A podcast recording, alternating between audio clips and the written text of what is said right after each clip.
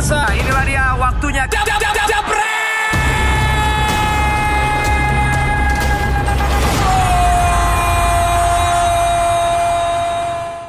Hai, kembali lagi di Dewan Indonesia. Kayaknya hari ini ada yang spesial pakai telur karena hari ini sangat sendirian tapi ada dua cewek cantik hari ini bersama cewek-cewek cewek yang biasa di belakang Aku layar. panji loh sebetulnya berubah Panji biar nggak dibully berubah jadi cewek sebenarnya aku Iya. panji ini berarti eh, hari ini eh, kita mau bahas MU sama Liverpool kan. Iya. Yang pastinya panas banget ya Mbak Gie.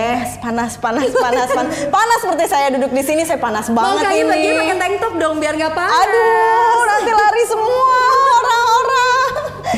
jangan Nes itu biar Nesa aja kalau saya di sini hari ini yang buat yang nonton DPI mungkin eh, yang udah ada komen atau enak duluan tunggu sabar sabar sabar sabar semua saya di sini penetralisir soalnya saya bukan fans Eh tapi kalian boleh loh nanti komen atau misalnya kalian request gitu maunya bagi di tiap episode dong itu boleh jangan, banget. Jangan, Karena saya mau ibu warisan aja. Ini gantiin Panji karena Panji nggak bisa dan Mungkin saya Panji lagi mau seru uh, fokus sama MU-nya kali. Iya, eh, lagi nangis, lagi nangis, Lagi- lagi nangis. Jadi dia lagi biar di sini komposisinya sama, ada fans MU, ada fans Liverpool, biar sama dan besok nih kita bakalan lebih hot lagi. Atau kalian kalian yang ini ya mungkin ya bisa Iya. komen-komen aja terus atau merasakan gak sih duduk sini tuh ternyata tidak semudah yang di belakang layar. Hmm, nah, makanya. kayak gue nih tegang. Biasanya kan ini doang ya, kasih Ya, ngomel-ngomel gitu kan. Kasih clue. Iya. Tapi ngomong-ngomong kita ngapain di sini sih baginya secara baginya kan bukan fansnya MU, kita sama-sama bukan uh, salah satu fansnya Iya. MU atau Liverpool kan. Iya. Jadi kita netral aja lah ya. netral kayak ini aja. Kayak ibu-ibu risan aja gitu loh ngelihat gimana nanti MU sama Liverpool A- a- Apalagi ini kan mainnya nanti di Old Trafford. Old Trafford. Jadi pasti akan seru banget. Dan kita juga udah punya fakta-fakta menarik seputar Liverpool ya Mbak Gia. Gimana fakta-faktanya kan Mbak Gia bikin skrip tuh. banyak deh pokoknya nanti giliran Mario kalau gue ngabisin semua Nes nanti namanya Mario nanti bingung mau makan gaji apa. buta nah Oh, itu itu nih Mario jadi abis ini kita eh, bakalan mungkin nih ini nih nih nih nih nih ini bedanya line upnya DPI Uh-uh. sama MU kali ya. Kalau di MU itu kecil-kecil-kecil tua-tua-tua nggak ada leadershipnya. Nah kalau nanti di DPI nih kayak gue nih masih kecil-kecil dalam otaknya dan pengalaman Uh-uh. nanti akan dipandu dan dibantu sama Mas Haryo Iya, sama Bung benar-benar. Binder juga banget ya, karena Nanti kalau sama Mas Arya pasti akan adu data. Adu data. Seperti biasa sama Bung Binder wah pasti komentarnya luar biasa nih. Iya, gue sama Bung Binder sama. Eh nggak deh nggak, nggak nggak, nggak sama nggak sama beda. Gue jarang olahraga, Bung Binder olahraga, tapi sama-sama fansnya tit nit nit nit gitu. Kalau lo pada bilang oleh out oleh out, gue 20 tahun nggak out Oh out my pelatih gue gila. Oh, Tapi gue keluarkan, sabar. Bagian keluarkan. Malam hari ini kita akan pemanasan nih, bapak-bapak, ibu-ibu untuk Super Sunday ya. Super Sunday. Di sini kan ada fans MU, fans Liverpool. Ini fans saya silakan sebut sendiri Pak. Gak apa-apa, Pak kita Binder. memang udah lama gak juara Ah. tapi disebut dong Arsenal. Arsenal. Jadi tadi tuh eh, Karena kami curhatannya adalah ya, orang yang sabar. 20 tahun ya, nunggu Wenger diganti. Eh, nunggu trofi juga sih sekarang belum keluar gimana dong? Oke oke oke. Dari Jibretas sekarang kita akan ngebahas soal MU nih yang akan lawan Liverpool di hari Minggu ini. Kira-kira MU bisa menangkah di Old Trafford nih. Kalau kita melihat, nih langsung tanya sama fans Liverpool dulu kali ya. Ini gimana Bapak Sabtu hari ini melihat pertandingan ini nih? Nggak usah sombong amat. Boleh emang MU itu lagi di bawah peringkat 12, tapi jangan meremehkan ini derby kan. Ini derby. Ini di mana memang eh, pride-nya, harga dirinya luar biasa sekali. MU pun De Gea cedera. Ya. Pogba juga katanya terakhir juga katanya nggak bakal main. Nggak bakal. Tapi ada spirit baru nih kayaknya untuk setiap lawan Liverpool tuh kayaknya harus bisa all out gitu. Gimana Bung? Spirit barunya apa tuh? Ya pokoknya bisa menang lah. At least kalau kalah jangan malu-maluin gitu. Ya Coba. mungkin mungkin ini eh, waktu satu-satunya waktu ya Ah. di mana United memandang Liverpool dengan inferioritas yang sangat tinggi Ya. di kubu United gitu. Ya lihat aja fakta kalau kita bicara data tadi kan Ya. kita bicara Liverpool sekarang peringkat satu, jarak lama sama MU-nya sendiri 15 poin. Iya, Lalu jauh. Dalam 8 pertandingan cuman bisa mencetak 9 Ya. gol. Kebobolannya juga lumayan ya. Hmm. Mau tanya lah ya. jadi, jadi kalau kita bicara dua tim ini emang secara apa pun Ya. kayaknya susah gitu bagi bagi United untuk menang. Kalau kita bicara statistik ya, cuman ya gue setuju juga sama Mario, tetap Liverpool memandang United sebagai sebuah tim yang selalu bisa menjegal mereka. kita bicara fakta ke belakang gitu kan Hmm. kita bicara beberapa pertandingan ke belakang khususnya di Old Trafford emang Liverpool susah untuk bisa menang lawan Lima laga terakhir MU menang tiga kali, Ya. eh, imbang dua kali. Seri. Nah kalau misalnya Terus men- Klopp ah, sendiri juga belum pernah menang kan di, Iya, belum di- pernah. di Old Trafford itu kan juga satu bukti bahwa tim ini sejelek-jeleknya posisi, posisi tim ini Iya, emang selalu jelek sih timnya. selalu selalu bisa ada faktor X gitu cuman Ah. kan ya susah juga berharap sebuah faktor yang mungkin cuma 5% Iya. untuk bisa menang Tapi rekornya mungkin masih bisa pecah nih ya. MU bisa kalah menurut gua. Meskipun gua pribadi fans MU gua agak pesimis gitu ya. Silakan bully gua netizen karena gua memang ah, agak-agak pesimis untuk MU lawan Liverpool. De Gea cedera, Pogba juga cedera. Cuman dari eh, mata dua fans Arsenal ini mungkin silakan mau siapa duluan? dulu ya, Minder. kamu bukan pesimis, kamu realistis. Oh ya benar juga. Boleh sih. Eh, Karena seperti yang tadi Haryo katakan bahwa kali ini kan sepertinya Liverpool nih di atas. Ya. Karena kita lihat form mereka bukan hanya di awal musim ini 8 game dia menang terus. Ya. Kemudian musim lalu dia bisa juara Liga Champions. Betul kan?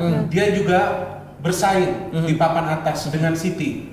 MU ke mana? Ya kan pertanyaannya harus begitu dong. Ke laut, ke laut ya. Pasar. Ya, jadi MU ini tidak terlihat dalam persaingan gelar juara bersama Ole, bersama Mourinho Ya, ya, ya, sempat mereka bersaing. Kemudian kita berbicara soal rekor Liverpool, justru rekor Liverpool ini mulai membaik ketika Klopp sudah megang ini, walaupun ini bertahap. Iya. Contoh, terakhir dia kalah di Old Trafford dengan skor 2-1. Saya kira pada game itu ketika itu saya juga uh, menyaksikan siaran langsung itu memang MU unggul cepat. Uh, kalau tidak salah 2-0 dalam 20 atau 25 menit awal. Iya. Tapi setelah itu Mourinho hanya parkir base seperti biasa. Liverpool yang main luar biasa ketika itu kalau tidak salah ya. Tapi Liverpool kalah. Kemudian setelah itu apa stepnya? Dia bisa kalahkan Mourinho di kandang sendiri. Ya. Dua atau tiga hari kemudian Mourinho dipecat. Setelah kekalahan itu di Desember. Kemudian dia menggagalkan oleh untuk menang skor 0-0. Mungkin kita mempertanyakan kenapa masa Liverpool gak bisa skor ke MU?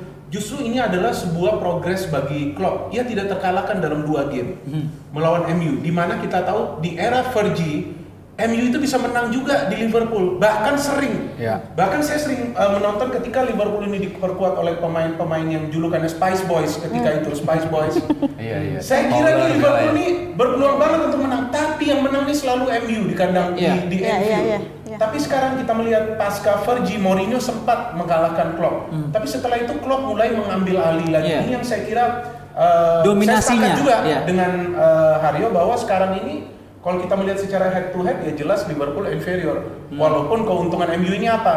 Main di kandang. Orang mengatakan ini theater of dreams ya mimpi ya terus. Waduh, Ya, terima kasih, terima kasih Bung beda. untuk tanggapannya. Terima kasih. Iya benar gue benar benar. Coba. Soalnya gini, ah, gini, gini. baginya gimana bagian? semua se- seisi dunia ini mungkin udah bilang udah pasti kalau misalnya nanti Super Sunday udah pastilah yang menang siapa gitu loh. Iya. Mungkin bursa pasar yang itu juga udah menentukan tuh. Yang mana bursa Tinggal pasar yang pasang mana? yang mana yang Ah. lebih tinggi daripada ini. Tapi gue sebagai eh, Fans bola? Iya, Iya. sebagai mama-mama itu kan semua harus memandang sesuatu yang realistis Iya. dong Ah. gitu gue malah bisa bilang bahwa ini bisa laga seri tapi emang telur-telur aja kenapa Seri? karena justru pressure-nya justru ke Liverpool yang which is dia harus jaga poin supaya dia Tetap jarak sama. Manchester City-nya nggak akan pernah kekejar bisa ngunci juga lebih cepat justru yang paling eh, bebannya berat itu adalah eh, si Liverpool bukan ke MU MU juga kayaknya kayak nggak ada beban Saya- sih saya justru- masa bodoh amat saya nih malah justru kayaknya gitu loh Kalau kita bicara MU, ini bebannya ke Ole.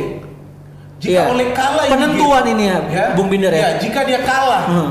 Dia bisa mengikuti Mourinho karena Mourinho pun setelah kalah Kalah melawan Liverpool. Liverpool, walaupun itu bukan faktor salah satu faktor satu-satunya Mourinho Iya. dipecat, Betul. tapi beberapa ke- hari kemudian ia akhirnya dipecat. Ini penentuan bagi Ole, Iya. Ole lanjut atau tidak Heeh. dari hasil seri ini, eh, dari hasil hasil game ini. Iya. Dan saya kira hasil seri ini bukan menang bagi MU.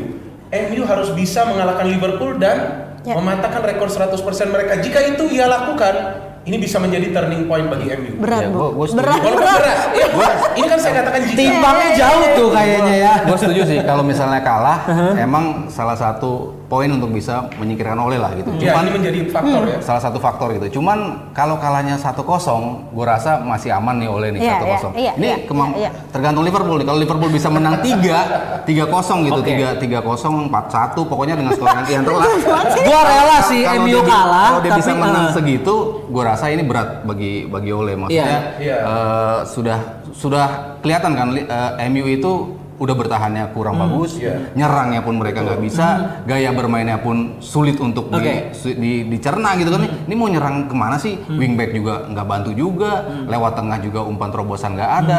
Hampir kayak kumpulan pemain-pemain yang bingung untuk melakukan apa gitu. Nggak bisa main bola aja kali ya. Dan dari semua kompetisi kan. Di semua, di semua kompetisi. Terus kalau ngelanjutin apa yang dibilang Binder tadi yang selama eh, cukup panjang Liverpool kalahan mulu, tapi kan kita lihat di MU-nya ada sosok-sosok yang bisa mencetak gol gitu kan. Iya. Ada Forlan Iya, iya. zaman zaman zaman Van itu, ada Van Nistelrooy Van di zaman Persie. itu, Van Persie makin ke situ. Eh, sebut sebut ya kan bersih ya. Terus lanjut, sorry, sorry, sorry. Ada fans Arsenal, sorry ya. Lanjut. Seka- eh, sekarang kan mereka nggak punya gitu Ah. sosok Iya. itu. Lukaku udah nggak ada, Alexis sudah nggak ada, Rashford terbukti ketika, Enggak, ketika main di posisi jangan 9 jangan remehkan Rashford loh, dia dapat Oh iya, baik. kemarin golnya bagus banget sih. Iya, gol- Karena cuma satu gol Bapak sebulan itu dari penalti. Ya. zem, zem. Terbaik, gol terbaik. Harus kita Kenapa sih kalian semua Iya, iya, iya. pesimis itu, sama itu, itu MU? sebuah kemajuan bagi Rashford juga. Luar biasa memang. Nggak ada yang bisa dibanggain lagi kayak dari MU ya, ya, ya, ya. Nggak, nggak, nggak apa? bisa sebetulnya. Ini justru turning back pointnya MU di sini. Setelah misalnya mungkin oleh uh, do you apa share gitu kalau misalnya mengganti pelatih cuma jalan satu-satunya. Ya, Buat ya, enggak ya dong, bukan, cuman, iya kan? cuman Tapi kalau- di Ole itu nggak ngelihat progres seperti seperti yang gue bilang sebelum-sebelumnya gitu. Iya. Ole itu nggak menunjukkan kemajuan gitu, terutama, Iya, iya. terutama ketika setelah mereka mengalahkan PSG di di di Paris dan mereka lolos ke babak berikut. Hmm. Dari situ kan udah mulai turun tuh. Setelah turun awal musim ini pun tidak ada perbaikan bahkan lebih parah walaupun sempat Iya. menang 4-0 cuman ya itu gua anggap sebagai sebuah blip doang tuh mereka Iya. bisa bisa Iya. memenangi Iya, pertandingan iya, lawan iya, Chelsea. iya. Cuman kan ujian setelahnya gue bilang ini bukan ujian mereka ketika mereka menang. Mereka ujiannya kalau bisa ngalahin Wolves, itu berarti tim ini eh, apa firm nih, solid nih. Tim Iya. ini emang emang yakin mereka bisa mengalahkan Chelsea lalu mengalahkan Wolves. Emang ini layak untuk menang gitu. Iya, iya. Ketika mereka tidak bisa mengalahkan Wolves, berarti kan kemenangan kemarin itu lebih pada kekalahan Chelsea dibandingkan kemenangan telak United. Itu Nah. Iya, gua tapi kan kalau ini ya Mas, kalau gue ngelihat MU Liverpool dari masa ke masa ini akan selalu jadi big match yang panas Ya, dan sebelah sebelahnya itu, itu. panjang banget dan uh, pretty sure sih kalau misalnya pemain MU untuk kali ini setelah dibully banyak banget dan mungkin juga bisa belajar dari kesalahannya uh, Liverpool saat lawan Leicester kemarin. Liverpool kan juga nggak gampang kan. Lawan. Leicester juga di menit-menit terakhir baru bisa. Menang ya. This is the right Time. time, Iya. buat paling nggak sebetulnya- park the bus. Maksud saya paling the right time. Sebetulnya right time ini bukan lawan Liverpool, tapi lawan siapa tahu? Siapa? Lawan Arsenal kemarin. Oh iya. Oh iya dong, Iya. Arsenal. Iya, boleh. Kita Silakan. saya harus realistis Nah. dalam hal ini seperti lu realistis. Lu kan pesimis. Iya, iya, iya, Kalau iya. gua realistis. Arsenal ini kan kalau kita melihat dia tidak aim, tidak ada target untuk menjadi juara. Banyak pemain muda. Iya. Di sana saja MU tidak bisa menang. Ya kan kemudian ada eh, apa? Mungkin kesalahpahaman di defense yang membuat offside ini ternyata on, onside Iya. kemudian bisa skor satu sama. Di sanalah peluang MU untuk turn back sebetulnya. Tapi di game ini pressure ini kepada Ole sendiri. Ole ini bisa tenang atau tidak?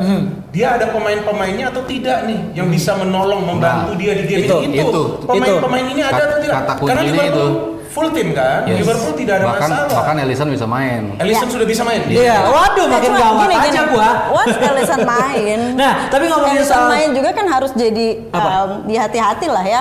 Karena dia Gak udah usah hati-hati lama. lagi terus- mbak oh, itu ya, yang nyerang ya? malah aman aja udah. dia nyerang. nah tapi kalau ngomongin soal ini nih Jebreters ya ngomongin soal MU gue bener kata Bung Binder. Bung Binder bisa bilang eh, realistis. Kalau gue emang pesimis karena gue lihat sendiri pun sekarang kalau di episode-episode DPI sebelumnya adalah eh, Bung Binder atau mungkin Coach Justin atau mungkin Om Satpo bilang tidak ada sosok yang bisa dituakan sekarang di MU dan eh, Bung Binder juga Ya, sempat menyebut satu nama itu Roy Keane. Nah Ya. sekarang kalau menurut Jebreters apa sih permasalahan MU yang ada di tim mereka? Atau mungkin pelatihnya Yang dituakan sih ada, Iya. Ashley Young. Asli ya. Tapi yang musim kemarin sih di Tapi ya dipan- masalah ya. Dipandang apa enggak? Nah, itu dia. Eh, Coba. jadi, jadi Ashley yang susah loh. Kenapa emang? Dia kan Sering dibully. Bukan, dia kan winger, dipaksa main wingback. Itu. Apa, apa gampang itu? Tapi Susah. udah ke umur Bung Binder, udah nggak bisa lagi, udah nggak top usia, perform. usia itu kan cuma angka. Oh, iya. Iya. Iya, benar, benar, benar, benar, Makin tua makin jadi. Iya, coba. Coba uh, Jebreters kasih tahu kira-kira apa sih permasalahan MU yang menurut lo tuh harus diperbaiki sekarang apalagi nanti Super Sunday akan ketemu Liverpool yang tanda kutip memang full tim nih. Sedangkan MU tuh lagi compang-camping ya. Dimulai dari manajemen kali ya. Manajemen kalau menurut Gia. Manajemen beli punya dirtek yang bagus, Iya. jadi nanti di Januari juga pas beli nggak ngasal. Lu Woodward ya udah gak usah ngurusin pembelian pemain lah ya. Nggak, coba lihat deh, kalau misalnya di eh, pramusim kemarin berapa coba pembelian MU, terus perpanjangan kontrak dan segala macam semua Lindelof yang diperpanjang. Iya. dan pemain yang keluar yang dilepas yang notabene emang dia bisa ngecat nyetak gol semua gitu loh. Terus Yang dibutuhin ah, ah, main tanda tangan tanda tangan kontrak Juan Mata Lawan, gitu. lawan, ya, Lawan, lewat, jual, lewat, jual, jual gitu. pemain. Lindelof emang lo butuh kayak dia terus siapa lagi tuh Bukan karena butuh sih mbak, nggak ada lagi aja. Ya kan berarti kan kalau kalau itu permasalahannya adalah gimana lo membangun sebuah tim kalau misalnya lo nggak tahu apa kebutuhan lo Itu. gitu loh Tapi men- ke mana menurut gua tim sebesar MU nih, kalau Nah, misalnya itu penga- dia pengamat uh, dari teman-teman semua di sini, MU kan tim gede. Uh, kalau Coach Justin juga ngakuin ini Gede. tim yang luar biasa dari sisi marketing. Sekarang kalau gue Iya. lihat sisi marketing, MU lebih banyak uh, kerjasama sama sponsor daripada beli pemain. Nah Hmm. ini sebenarnya banyak orang yang bilang MU itu sekarang udah jadi suatu brand Hmm. buat bisnis, bukan lagi suatu football club nih. Kalau misalnya Om Sabtu sendiri ngeliatnya gimana? Iya, Om? ya sudah sudah lama itu kan memang dilakukan. Maksudnya United itu uh, in a way mereka betul-betul memikirkan bisnis sehingga mereka luar biasa dari sisi pendapatan, bahkan berapa kali mengalahkan Real Madrid juga dari Iya. sisi uh, pendapatan. Mereka menjadi klub yang terkaya, mereka menjadi klub yang bisa dikatakan tersukses dalam artian branding mereka di Asia luar biasa, di Amerika Selatan luar biasa. Ini kan di Amerika Utara juga juga itu kan ini suatu bukti bahwa di satu sisi tim ini tuh bisa mengalahkan klub-klub raksasa yang yang lain gitu. Iya. Cuman justru aspek dari olahraganya itu sendiri yang dilupain gitu. Iya. Hilang esensinya. Betul. Ju- Justru mereka yang harusnya punya direktur teknik seperti yang dikatakan Gita tadi yang selalu kita omongin terus Iya, kan iya. sama sama Mindra sama Justin. Itu sosok yang lu butuh apa sih buat memperbaiki tim ini? Nah, itu Iya. kan yang yang tidak dipunyai dan ketika ketika mereka tidak punya direktur tapi em, punya Mourinho yang tahu harus beli pemain Iya, seperti apa dia. tidak Betul. dituruti Ya, itu iya. kan udah menjadi problem dari mereka sejak ada Mourinho di situ dia butuh back udah teriak dari kapan nggak dibeliin juga sampai betul-betul hancur baru bisa beli di musim ini gitu kan Dan backnya pun jelek gitu ya. Nggak jelek sih Nggak nggak. jelek. Gue bilang gue jelek nih karena mukanya kan nggak jelek. Iya muka ganteng, permainannya belum tentu bagus gitu kan, pressure-nya gede banget. siapa nih yang dimaksud tadi tadi yang Harry Maguire siapa lagi? tadi yang bicara rasa Prada Iya. tadi yang menarik yang Mario katakan soal MU secara brand. Dia juga menjadi brand pertama karena prestasi dia. Iya. Setuju yang Dia bisa menjadi juara beberapa kali Premier League. Kemudian pemain-pemain yang dia miliki, pemain-pemain mereka sendiri menjual brand mereka. David Beckham, ya kita tahu. Bahkan Peter Schmeichel, mereka ada endorsement-endorsement. Tapi sekarang siapa? Yang kita harapin masih Ashley Young kan enggak? Enggak, udah betul kan? dia Terus ya. pemain, betul kan? Terus pemain baru siapa? Pogba doang sih. Nah Pogba, Iya, iya. Pogba memang labelnya bintang, tapi permainannya nggak Kualitasnya. seperti pemain bintang. Iya, Dia permainannya seperti pemain biasa. selebriti. Nah kita nggak tahu nih dia baper atau enggak kan? Kalau lu kan nggak pernah. Iya. fans MU, fans MU sih nggak pernah baper. Fans MU udah baper setuju aja Bretters ya coba komen sekarang. Pernah baper nggak? Nggak pernah. Nah, terus kalau ngomongin soal MU sama Liverpool sendiri nih, secara kesiapan Liverpool, Om Sabto mungkin ada update tentang Liverpool sendiri selain ya Ellison bakal main, terus juga Jangan apa main. mungkin uh, tiga tuh ya Firmansa ada salah satu ya dicadangin atau mungkin memang full mungkin tim aja? mungkin saatnya salah dicadangin nggak sih kan kemarin dia Iya, juga iya. latihannya masih terpisah ini buat nyoba kan lawannya tim kalau ini tengah ini nih. kan ini Tim papan bawah ya lanjut. papan tengah ya itu aja bentar. salah salah satu kekuatan dari Klopp ya. Iya. Klopp itu tahu bagaimana pemainnya, tahu bagaimana bisa menjaga kualitas tim ini menjadi solid kan dalam 4 tahun ini dia buat tim ini seolah-olah nggak ada benturan kan di Iya. dalam. Padahal begitu iya. begitu banyak eh, pertempuran posisi kan seharusnya ada enam pemain memperebutkan tiga posisi, Iya. di depan pun tiga itu kok seolah-olah tidak tergantikan. Kapan eh, pemain cadangan itu bisa masuk, tapi ketika masuk Origi ternyata masih bisa Iya. main di level tertinggi. Itu kan Iya. bagaimana Klopp tuh Iya, bisa iya, iya. bisa menjaga ini. Lalu kalau kita bicara ada kasus Nabil Fekir gitu kan, kenapa Ya, ya. nggak jadi dibeli itu kan?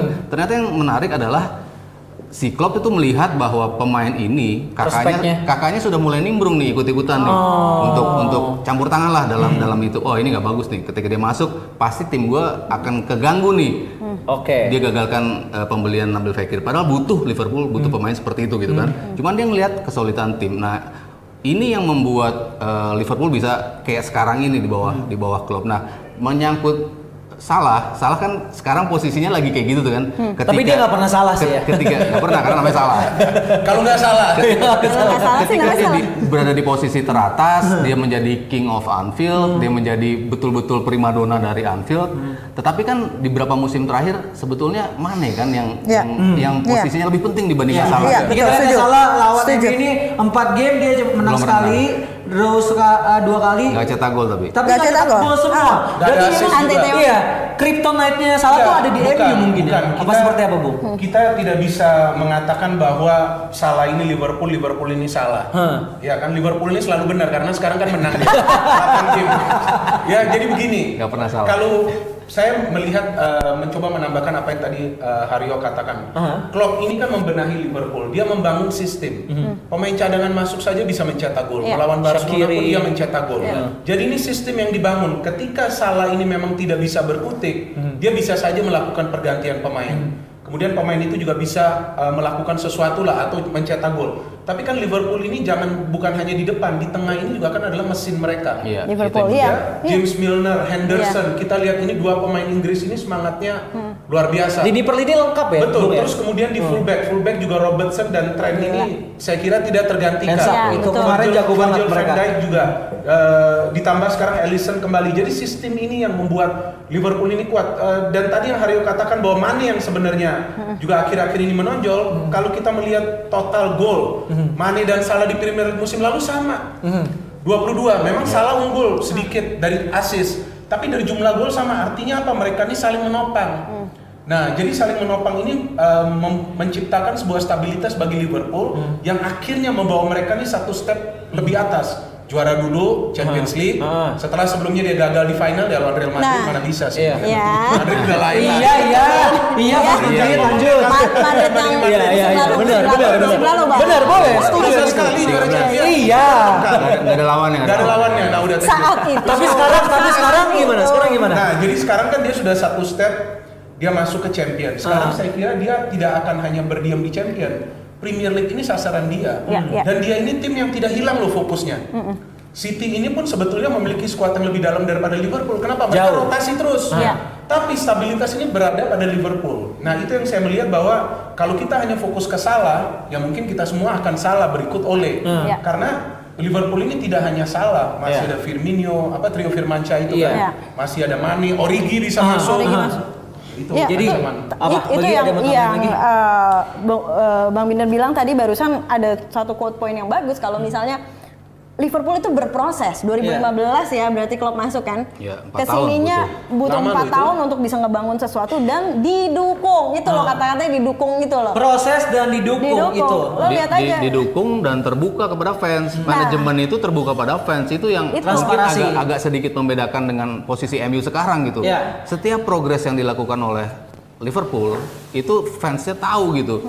Uh, apa behind Iya, iya, behind iya, iya, iya, benar. Iya. behind the scene-nya apa, masalahnya apa, kenapa bisa menjadi seperti ini itu fansnya tahu betul-betul terbuka. Jadi setiap langkah proses, proses yang dilakukan Klopp itu Liverpool apa satu kota tahu, manajemennya juga terbuka. Jadi nggak ada salah-salahan gitu loh. mau nambah nambah sama tanya sih bang sama Mau nambah roti? Mau Ya. nambah roti kalau tiba-tiba just ring a bell pas kita ngomongin tadi Martial tiba-tiba Makan ya, ya, makan ya. kemungkinan kan ada kemungkinan nih dia akan fit dan bisa main lah sekitar let's say nggak nyampe 45 menit Martial main Wan Bisaka juga kayaknya udah bisa main kan Tapi kan ada Pogba.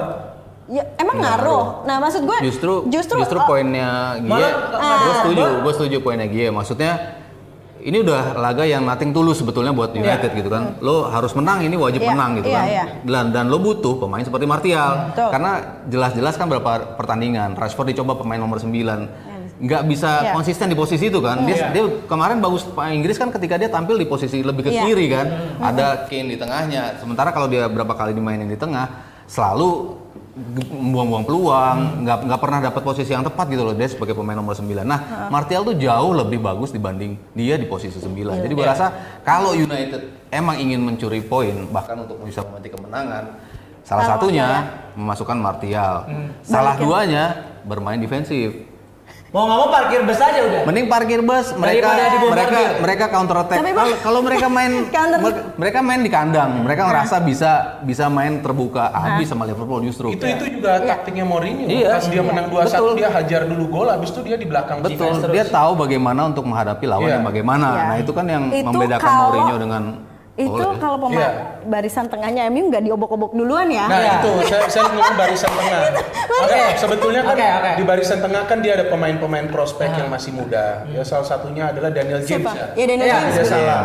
Nah tapi kan kita lihat bagaimana pelatih ini bisa mengembangkan pemain muda ini atau pemain yang baru masuk dari klub lain.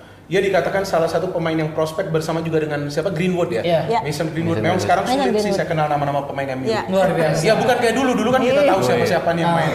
Ya tapi ini kan adalah regenerasi. Tapi Ah. bagaimana pelatih ini bisa membuka potensi mereka. Hmm. Ini yang saya belum melihat dilakukan oleh dan kita tidak bisa mengatakan lagi ini awal musim. Ya, ini udah. Ini sudah masuk cukup jauh karena mereka sudah main juga di Betul, Liga. Eropa.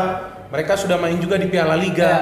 Itulah perbedaannya manajer muda seperti Ole dan manajer muda lainnya. Hmm. Bagaimana mereka bisa unlock potensial ini? Jika Ole bisa unlock potensial pemain-pemain muda MU, Ya. Hmm. saya kira tidak ada ala- ala- alasan lagi ini tidak main, itu tidak main. Ya. Semua Optimal, yang main itu, optimal. semua yang main itu bisa perform. Ya. Kayak- kayak Chelsea ya? Iya, kayak Ya. Chelsea. Ini dia. eh, contohnya ya. Chelsea dengan Betul, Lampard. betul. Lampard dibantai, first game 4-0, tapi secara game permainan mereka bisa mengancam MU. Oke. Tapi itu kan Kayak- membuat Ole juga gede kepala. 4-0. Habis itu apa yang terjadi? Gak ada apa-apa lagi. Nah, Iya. tai kucing aja udah. Ya, kalau ngomongin tadi sama Iya. yang sama Bang Minder bilang, kenapa nih Gary nyuruh apa nih? Oke, Jangan ini- macam-macam kan. Tadi dulu kan Oh, iya, iya. ngomong-ngomong, ngomong Apa-apa ya. Kalau mungkin Panji Oh, selalu, selalu bilang kesel sama Juan Mata. Kalau gue sih lebih kesel sama Lindelof CS tuh di situ. Sama Lingard Gua- gua kesel. gua- Nah Lingard apalagi. Ya, udah. nah, em, gue gue nggak inget ya nama sama kayak Bang Minder gue susah banget mengingat nama pemain Siapa? Axel Lingard. siapa Tuan Taku McTominay. itu siapa Tuan CB, Tuan CB. Tuan CB nah itu Tuan kan dia CB sama Binder dari mana ya samanya? Enggak, dia bukan tuan tanah. Dia masih tuan Maksud Kalau dia udah tuan tanah itu belakang Dia harus dicoba, Iya kan? dong, tanahisme dia Lapak. Dia kuasai. harus dia. dicoba loh menurut menurut Dia pernah ya? dicoba di Dia- game dia melawan Newcastle. kan, Iya. Justru dia yang diincar terus oleh para pemain Newcastle.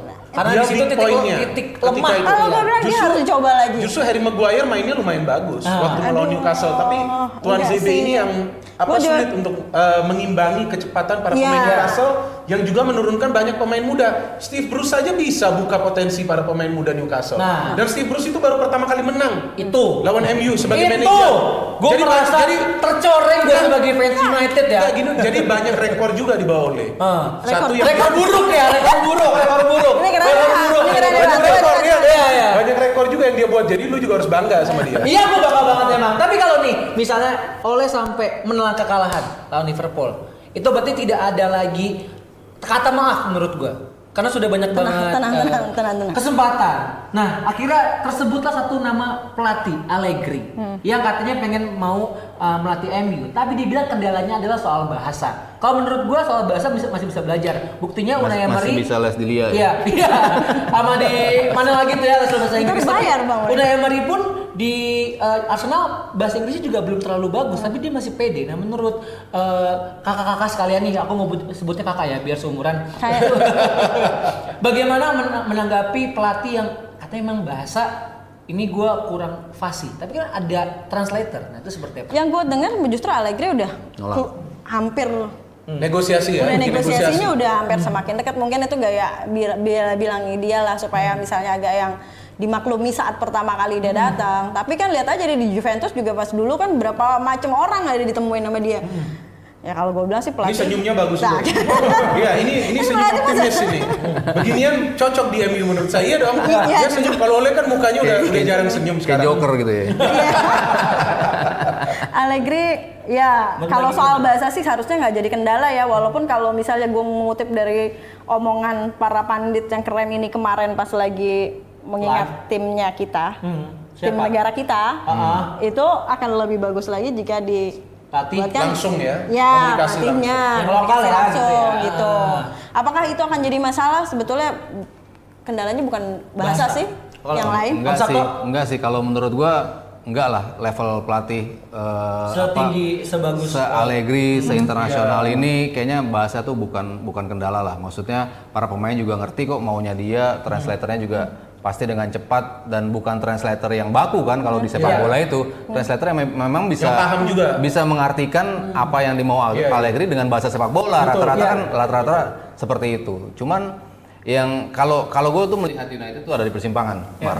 antara tim ini Bener-bener udah mau jatuh ke jurang kayak tim tim ini tim ini beserta fansnya harus menyadari bahwa sekarang emang MU lagi jelek gitu loh. Maksudnya tidak bisa berkaca bahwa tim kita ya. bagus, materinya aja susah untuk bisa mengatakan MU sedang jelek. Nggak apa-apa, Liverpool pernah mengalami itu kok. Mereka pernah Iya, mengalami. kita merasakan jadi mereka, lama, lama. mer- mereka butuh empat tahun setelah Klopp datang. Klopp datang kan juga nggak langsung bagus kan? Iya. Mereka butuh empat tahun untuk proses.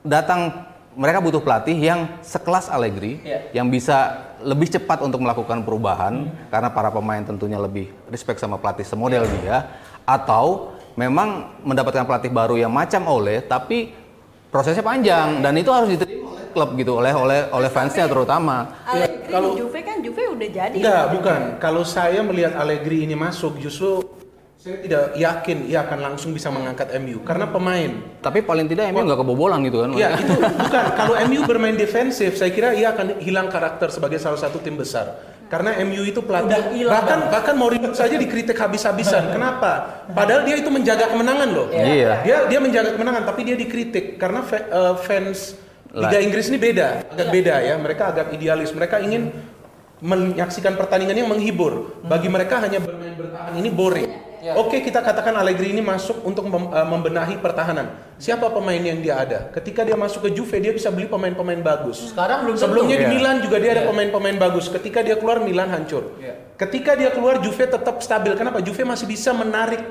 pemain-pemain yang bagus. Iya. Sekarang kalau dia masuk ke MU, Tapi dalam, gratisan. dalam dalam kondisi begini, dia juga akan butuh waktu untuk menarik pemain. Iya, pasti Seiring orang di- melihat di- progres di dia. Januari ya, Iya, di Januari nah, kalau di ada Januari. perubahan. Nah, kalau soal bahasa, saya kira ini hanya taktik dia saja untuk mendinginkan suasana lah. Mungkin agar Ole ini fokus Oke. di game melawan MU. Tapi saya kira kalau memang negosiasi itu sudah ada Ya. dan memang sudah mendekati deal, ya harusnya mau Ole menang atau apa pun kan dia tidak lanjut seharusnya Ya. logisnya. Nah, tapi kan saya kira itu tidak itu akan dicoba untuk dihilangkan agar Ole ini bisa fokus di game ini. Kalau kemudian itu Allegri masuk, bisa jadi juga Ole yang apa eh, melatih kembali tim-tim cadangan MU. Kan Iya, Ole pernah melatih tim cadangan bisa MU buat sebelumnya. eh, latihan lah di situ Ya ya. betul, atau dia ke negara lain lah. Iya, udah. banyak yang bilang, ah bosan bahas MU, bahas MU nih. Kita pindah kali ya ke Spanyol nih. Kakak-kakak sekalian ke Spanyol, ada yang baru nyetak rekor baru nih. Siapa Ronaldo? Ya, kan udah pindah bapak. nih, ada yang lagi Biar seneng tuh ketawa-tawa tuh ya. Biar bikin pusing aja. 6 gelar buat eh, Golden Boots. Wah, Bapak Sabtu Golden Shoes, soal Golden Boots salah, sepatu kan itu salah. Nih, gimana? 6 gol eh 6 gol, 6 gelar buat seorang Messi sebenarnya tidak ada yang menandingnya lagi di Spanyol. Gimana? Biasa aja sih Messi. Biasa aja. Biasa Udah sih. sering menang soalnya. Ya nothing special lah. Messi Iya. identik dengan gol, seperti Ronaldo identik dengan gol. Ketika dua pemain itu mem- mem- memperoleh predikat tersebut, tertajam di liga kalau Iya, Messi dan tertajam liga. di Eropa juga. ya. Ya otomatis memang ya musim ke- kenapa dia menjadi pemain terbaik juga kan ya karena jumlah gol yang dia Dia cetak, kan. ya. Justru yang jadi dia jadi pemain terbaik kemarin itu Iya, ya, FIFA. itu. ya. Yang justru jadi pertanyaan sih Mar sebetulnya ke mana pemain yang lain jadi Spanyol. Enggak, ya? sebenarnya begini. Iya aja. Kalau Spanyol ada itu, kalau Spanyol itu dalam 5 atau 6 musim terakhir yang memang menjadi top scorer kalau tidak dari Real dari Barca. Ya. Sebelum Messi ada juga Luis Suarez, kemudian ada juga Ronaldo. Tapi kan kalau kita melihat Messi ini, ini tidak seperti salah. Messi adalah Barca, Barca adalah Messi. Bukan Kenapa, bukan kenapa saya katakan itu? salah, ya. Ini akan menjadi one man club kalau menurut Iya. saya. Karena kalau Messi mau pindah sebetulnya dia bisa saja pindah. Iya. Tapi Memang dia tetap stay. mau. Dia dia nggak mau, dia tetap stay. Bahkan dia bisa menyarankan pemain-pemain yang bisa direkrut oleh Barcelona dan dia bisa mempengaruhi. Dia punya peran di situ ya. Dia punya peran. Dan saat ini jangankan tanpa Ronaldo, ketika ada Ronaldo pun dia dominan kok Iya. sebagai pencetak gol Iya, terbanyak. iya, Karena Madrid ini kan tidak hanya mengandalkan Ronaldo sebetulnya untuk mencetak gol. Ada juga Bale, ada juga Benzema. Tapi di Iya. Barcelona sistem permainan mereka yang menyerang frontal membuat Messi, Suarez dan Neymar ketika itu produktif. Nah, yang menjadi kesulitan sekarang kan cuma dua pemain ini yang mencetak gol. Pemain ketiga ini sekarang ada Griezmann. Ya. Nah, saya kira kalau Griezmann ini Masih ompong. sekarang kan dia baru cetak dua atau tiga gol. Jika ia sudah menyelesaikan diri dengan sistem permainan Barcelona, tapi bukan dengan sistem permainan di Spanyol karena dia kan mantan Atletico, bisa jadi next dia yang akan menjadi top scorer. Jadi one Karena man ini juga pemain Iya. yang pencetak gol yang bagus. Jadi setelah Messi, one man team itu akan berpindah ke Griezmann menurut uh, bukan bukan one man Bukan team. one man team, saya pindah-pindah. Untuk, untuk menjadi pencetak gol, pencetak gol Oke. terbanyak. Itu dia. Nah tapi kan mau sampai kapan sih Bung Binder, uh, Om Sabtu dan bagi Sampai ini? pensiun Messi. Pensiun berarti tidak ada tidak ada yang bisa menyayai, eh, menyaingi Kan sampai dia pensiun. Kalau ya. kita ngelihat perubahan posisi Spanyol ya? posisi Messi kan udah berubah jauh kan. Dari awalnya dia winger, Iya. eh, pe- penyerang sayap, eh, di, di tengah, terus sekarang sering mundur, ke belakang walaupun ter- taruhnya di tiga di depan. Cuman kan sering banget dia mundur gitu. Iya. Dia bukan lagi sebagai pemain yang menjadi sentral untuk mencetak gol. Tapi end up-nya kan dia selalu mencetak gol juga. Itu.